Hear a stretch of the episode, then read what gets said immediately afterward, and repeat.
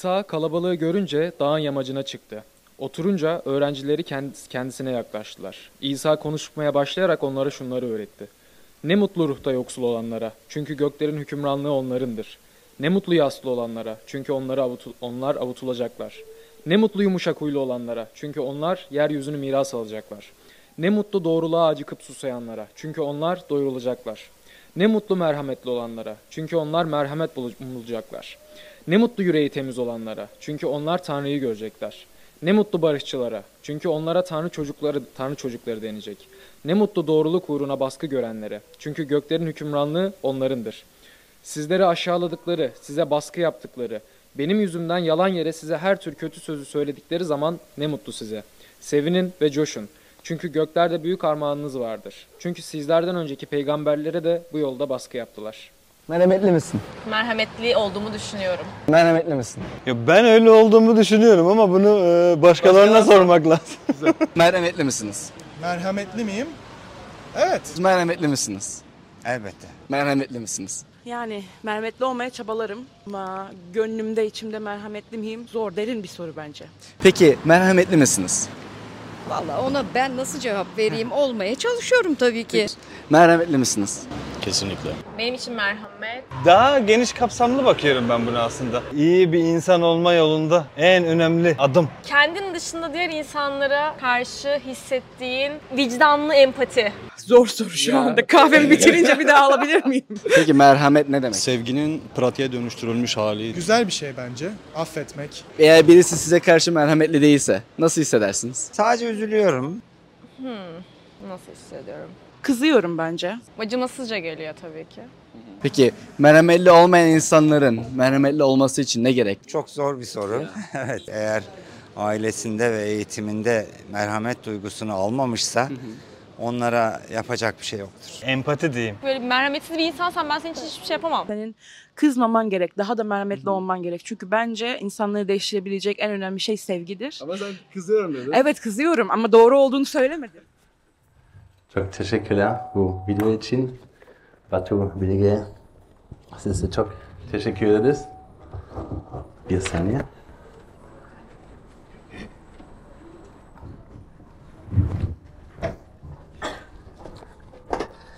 Hemen hazır olacağım.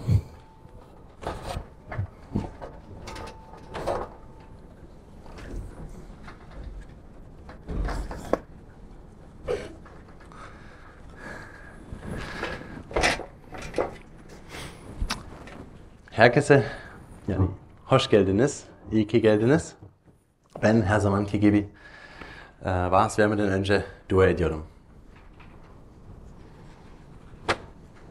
Ya göklerdeki babamız, biz ya şimdi sana geliyoruz ve um, lütfen sen bize, senin sözün aracılığıyla lütfen bugün bize yüreklerimize konuş ve bizi nasıl merhametli olabileceğimizi lütfen anlat. Senin sözün aracılığıyla.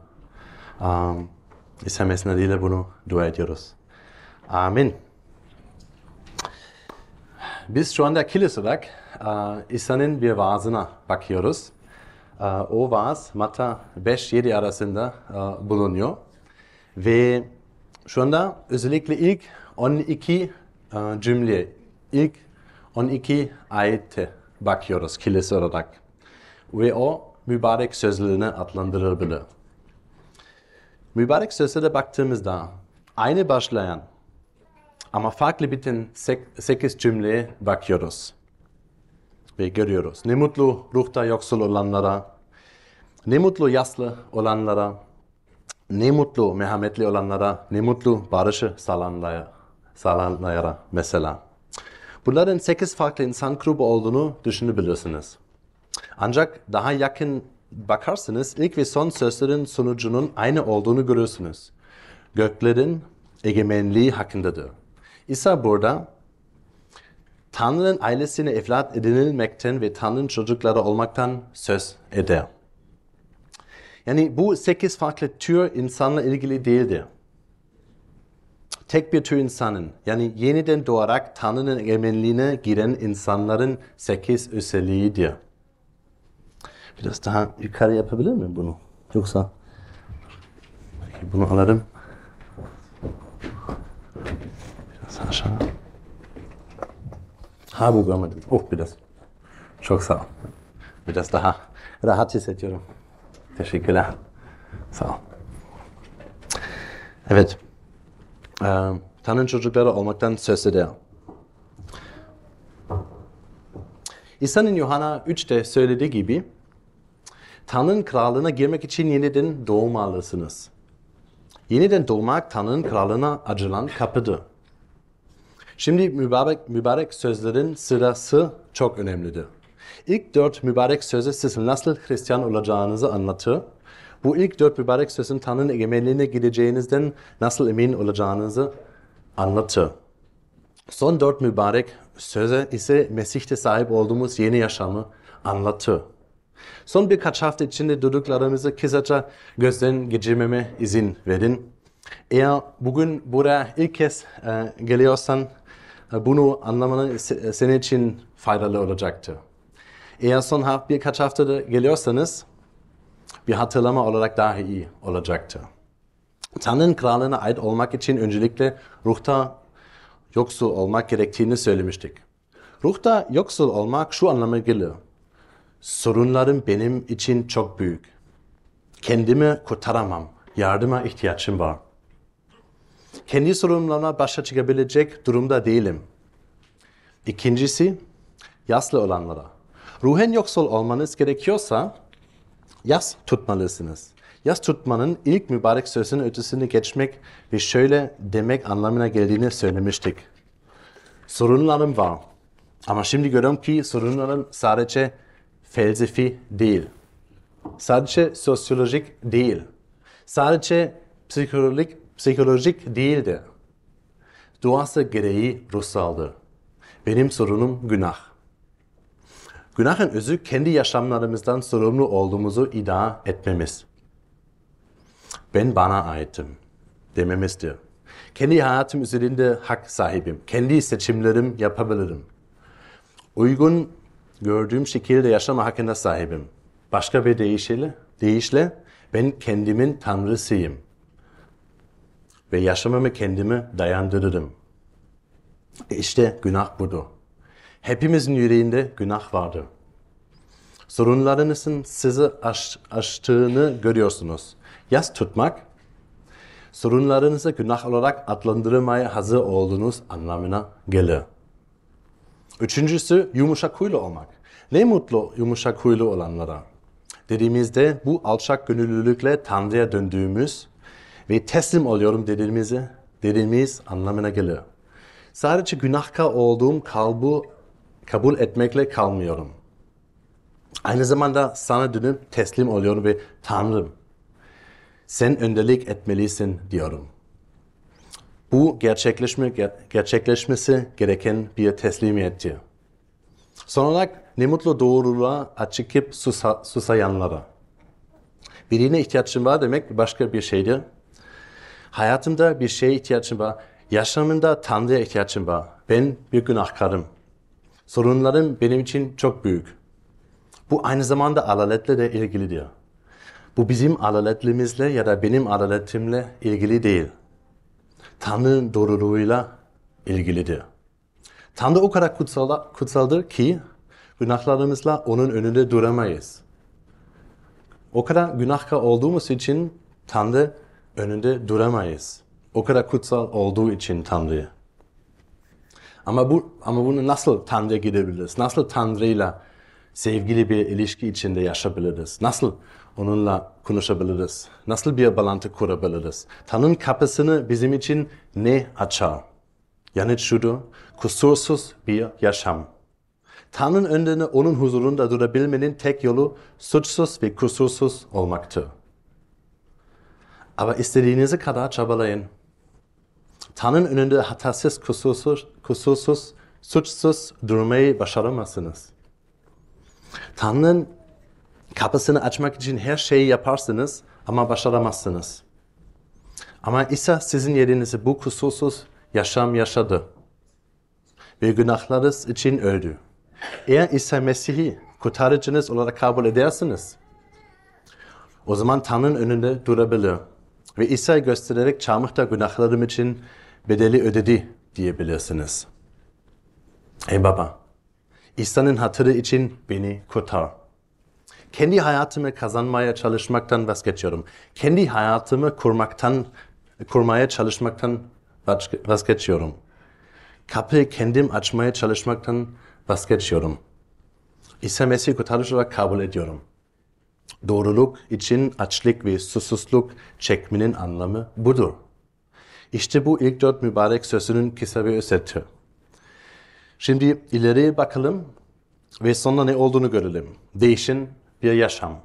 Ne mutlu merhametli olanlara, ne mutlu yüreği temiz olanlara, ne mutlu barış sağlayanlara. Eğer kişi Tanrı'nın kralına ilk dört mübarek söz aracıyla girmişse, sondaki dört mübarek söz Tanrı'nın krallığında tamamen farklı yaşamı özetler. Krallık yaşamı değişmiş bir yürekle ilgilidir. Bu son sözle bize yaşamlarımızın ve yaşamdaki yönümüzü değiştireceğini söyler. Bizi içsel olarak değiştireceği gibi başkalarıyla olan ilişkilerimizi de değiştirecektir. Ne dersiniz? İçsel olarak değişmek istiyor musunuz? Diğer insanlarla olan ilişkilerinizin gelişmesini istiyor musunuz? Bu diğer mübarek sözünü de bunu söyler. Onlara önümüzdeki haftalarda bakacağız. Ama ben burada ilkinden Mehmet'ten bahsetmek istiyorum. Bu 7. ayete geçer. Ve videoda olduğu gibi birisi size sorarsa Mehmetli misin? Hangi cevap veriyorsunuz? Düşündünüz mü? Düşünebilirsiniz. 7. ayet ne mutlu merhametli olanlara. Çünkü onlar merhamet bulacaklar. Bize merhametin tüm ilişkilerimizin temeli olabileceğini öğretir. İsa Mesih'le merhamette dayanan bir ilişkimiz olduğu için ilişkilerimiz değişmiştir.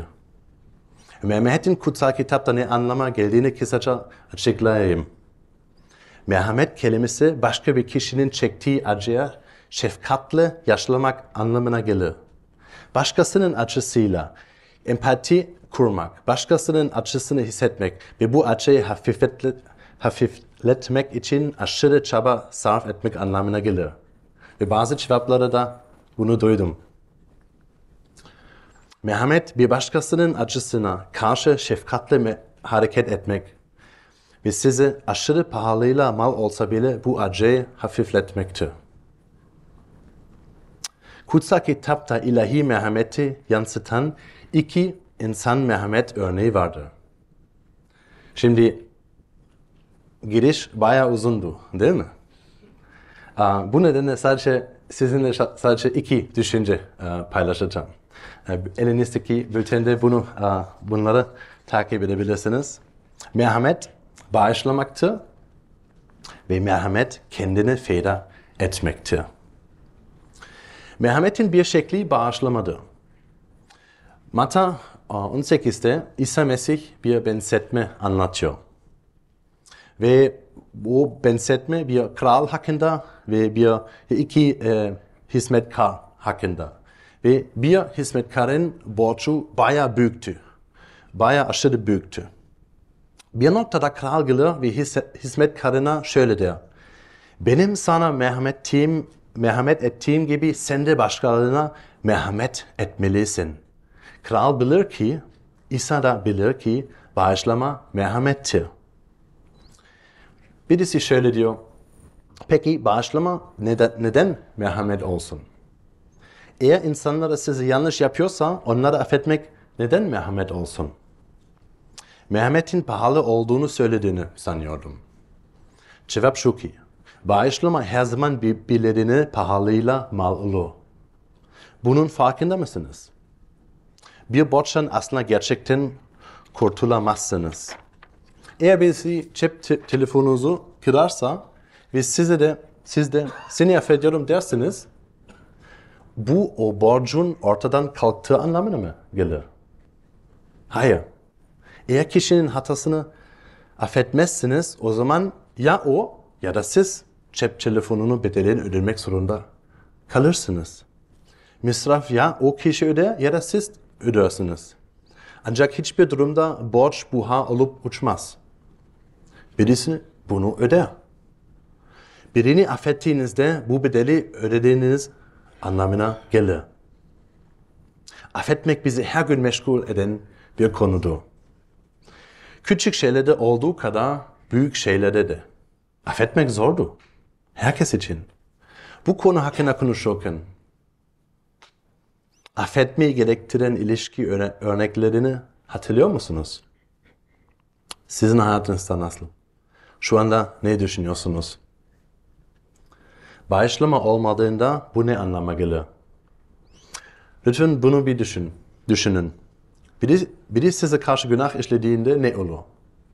Ve bu her şey olabilir. Kötü sözler, eylemler, yalanlar, davranışlar. Kutsal kitap düşüncelerimizle başkalarına karşı günah işlemekten bile söz eder. Eğer kalpten affetmezsek bu bize ne yapar? İçimizde acı, üzüntü ya da öfke olur. Ya da deriz ki ben de sık sık öyle yapıyorum. Aslında o kadar da kötü değil. Ama gerçek şu ki eğer affetmezsek bizi içten içe kemiren bir gerilim içinde yaşarız. Ve diğer kişiyle olan ilişkimiz paramparça olur. Bazen bunu yaşlı insanlarda bile görebilirsiniz. Çocukken ebeveynleri tarafından incitilmişlerdir. Ve hayatları boyunca affedemezler. Bu insanlar neye benziyor? Mutlu mu? Dengeli mi? Hayır, çoğunlukla acı ve mutsuz. Merhametin ilk şekli bağışlamaktır. Hristiyanlar merhametli insanlardır. Bu ne olmuş olursa olsun herkesi bağışladıkları anlamına gelir. İsa Mesih Markus 11'de şöyle der. Eğer dua edersiniz ve birine karşı bir şeyin olduğunu fark edersiniz, onu bağışlayın. İsa orada elleri ve dizleri üzerinde sürünerek gelene kadar bekleyin demiyor. Birine karşı bir şeyiniz varsa onu bağışlayın der. Hristiyanlar tüm insanlar arasında en merhametli olanlardır. Hristiyan olduğunuzu söylediğinizde etrafınızdaki insanlar sizin merhametli bir insan olduğunuzu görüyorlar mı? Bağışlayıcı bir kişi mi olduğunuzu? Bu birinci düşünce. Bağışlamanın yani sıra merhametin ikinci biçim temelde vermektir. Yine İsa Mesih benzetmeyi anlatmayı sevdi ve kutsal kitapta bayağı onun um, benzetmeleri okuyoruz. Ve belki iyi Samiriyeli benzetmesinden duydunuz. İyi Sami, Samiriyeli, Samiriyeli benzetmesinde merhametin mükemmel bir örneğini görüyoruz. İsa Mesih bize sokakta soyulan ve dövülen bir adamdan bahseder. Bir Samiriyeli gelir ve ona yardım eder. Yaralarını sarar ve onu bir hana götürüp aylarca orada tutar. Onu bekler. Tibi, bakım, ulaşım ve benzeri masrafları karşılaşır. İnsanların yüklerini gerçekten taşınmanın ne anlama geldiğini biliyor musunuz? Yükün bir kısmı sizin üzerine, üzerinize düşmedikçe başkasının yükünü taşımazsınız. Birisi beşki, be- e, 50, pardon, birisi 50 kiloluk bir çuval kahve çekirdeği ile gelirse düşünelim ki Ömer 50 kiloluk bir çuval kahve çekirdeği ile gelirse onun yükünü nasıl taşırsın? Yük altına girersen böylece 10 kilosu senin, 40 kilosu onun üzerinde ya da 25 kilosu senin, 25 kilosu onun üzerinde olur. Bir başkasının yükünü, bir kısmı sana geri düşmeden taşımanın bir yolu yoktur.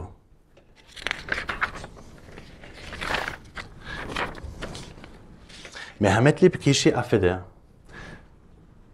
Ve merhametli bir kişi ne pahasına olursa olsun borcunu öder. Merhametli bir kişi bedeli ne olursa olsun bir başkasının ihtiyacını karşılaşır. Karşılar.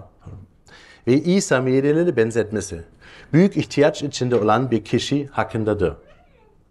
Bu durumda artık kendisine yardım edemeyecek durumdadır. Dolayısıyla merhametli olmak, sadece herkese para vermek ya da şeyler vermek değil, ihtiyaç olanlara ve muhtaç olanlara yardım etmek anlamına gelir. İnsanların yüzde yüzünün herkese affedeceği, asla intikam almayacağı, sadece kötülüğe iyilikle karşılık vereceği bir insan topluluğu hayal edebiliyor musunuz? Ayrıca sosyal, psikolojik, ruhani ya da ekonomik olsun diye insanların ihtiyaçlarını karşılamaya istekli olan insanlar. Ya biz böyle bir topluluk olsaydık, o zaman ne olurduk biliyor musunuz? Bir kilise olurduk. Çünkü kilise bundan ibaretti. Ve bayağı iyi örnekler biliyorum e, sizlerden. Um, birbirinize yardım ediyorsunuz ve uh, bayağı örnekleri aklıma geldi. Um, mesela bu kilisede yeni bir çocuk, yeni bir bebek doğduğunda bütün anneler kıyafetle getiriyor, bütün anneler, aileler yemek e, getiriyorlar ve e, bayağı iyi şeyler de görüyorum e, birbirinize yardım ettiğinizde ve e, bu güzel. Bu vaaz hazırladığımda e, bu topluluğunu düşündüm ve mutluydum. O da e, güzel ve yine e, bu metin bize yine hatırlıyor. E, Rahmetli olmak ne anlamına gelir. Şimdi birisi bunu yapacak gücü nereden bulabilirim diye soruyor. Cevap 5. mübarek söze ulaşmak için ilk dört güzel ve ilk dört mübarek sözden geçmeniz gerektiğidir. Eğer bu ayeti bağlamından kopar ve ne mutlu merhametli olanlara çünkü onlar merhamet görecekler dersiniz, bunun neye benzediğini biliyor musunuz? Tanrı bana ancak merhametli bir yaşam sürersem merhamet edecek gibi görünüyor. Ama öyle değil. Beşinciye ulaşmak için ilk dört mübarek sözden geçmeniz gerekir. Eğer ruhta yoksulsanız, İsa Mesih'in sizin için öldüğünü anlıyorsanız, doğruluk için açlık ve susuzluk çekiyorsanız, o zaman bir an için düşünün. Merhametli bir insan olabilmeniz tek nedeni. Tanrı'nın merhametinin sizin için ne kadar değerli olduğunu kendinize sürekli hatırlamanızdır. Bunu nasıl yapabileceğiniz size gösterebilir miyim? İsa Mesih'in çarmıhta sizin için acı çektiğini hatırlayın. O zaman Tanrı'nın bağışlamasının ne anlamına geldiğini düşünmeliyiz. Tanrı neden sadece günahlarımızı bağışlamadı? İş, işi görmek istediğinde ışık olsun dedi ve ışık oldu. Yeryüzünü görmek istediğinde yeryüzünü olsun dedi ve yeryüzünü oldu. İnsanları görmek istediğinde insanlar olsun dedi ve insanlar oldu. Bağışlamamız istediğinde parmaklarını şıklatıp bağışlanma olsun demedi.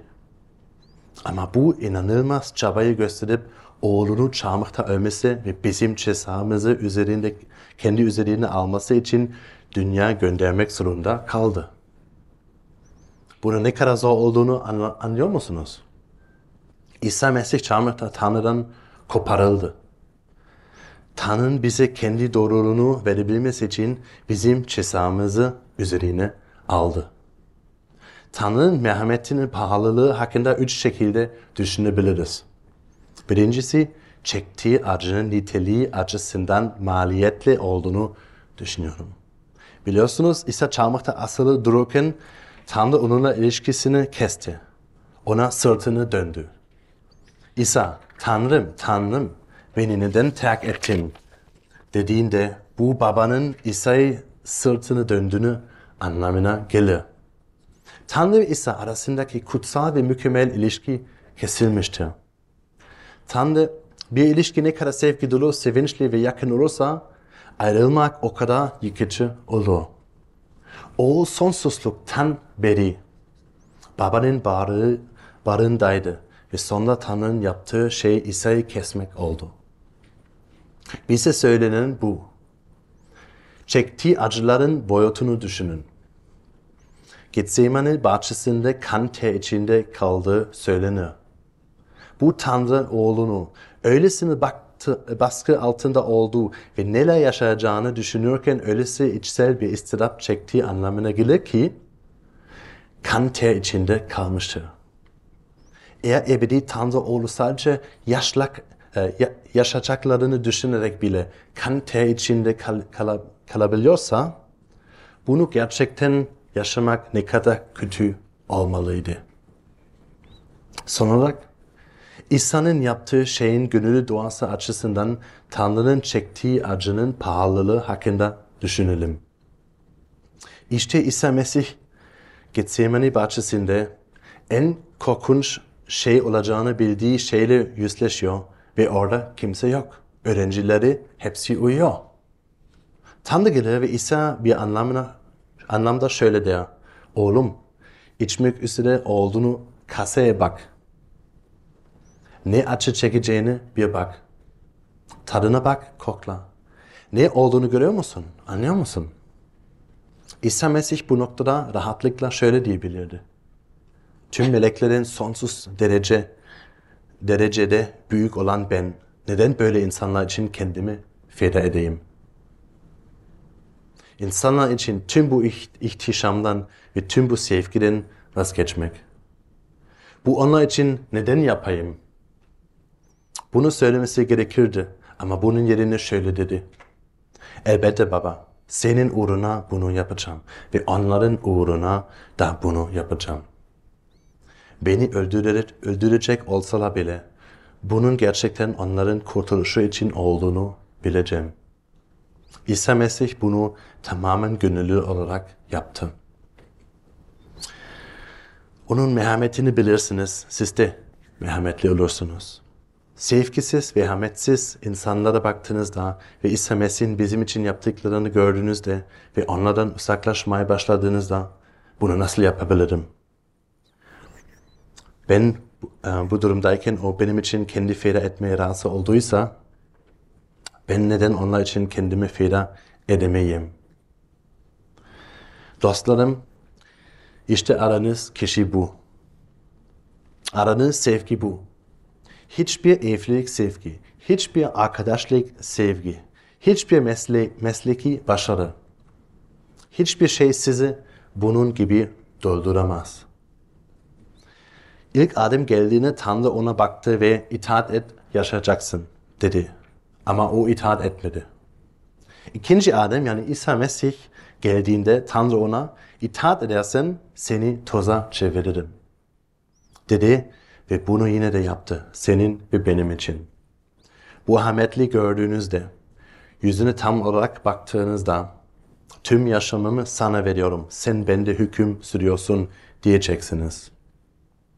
Ve başlangıçta e, Yohana 3'ten bahsettim. Yeni doğmak. Biz İsa Mesih bizim için, bizim günahlarımız için çarmıhta öldüğüne inanırsak Tanrı onun ruhu bize veriyor. Ve o ruh içimizde ne yapar biliyor musunuz? O sürekli İsa Mesih'e gösterir. Ve o bizi, bizim, bizim için çarmıhta ne yaptığını gösterir. Ve bizi hatırla, hatırlatır. Ben dua ediyorum.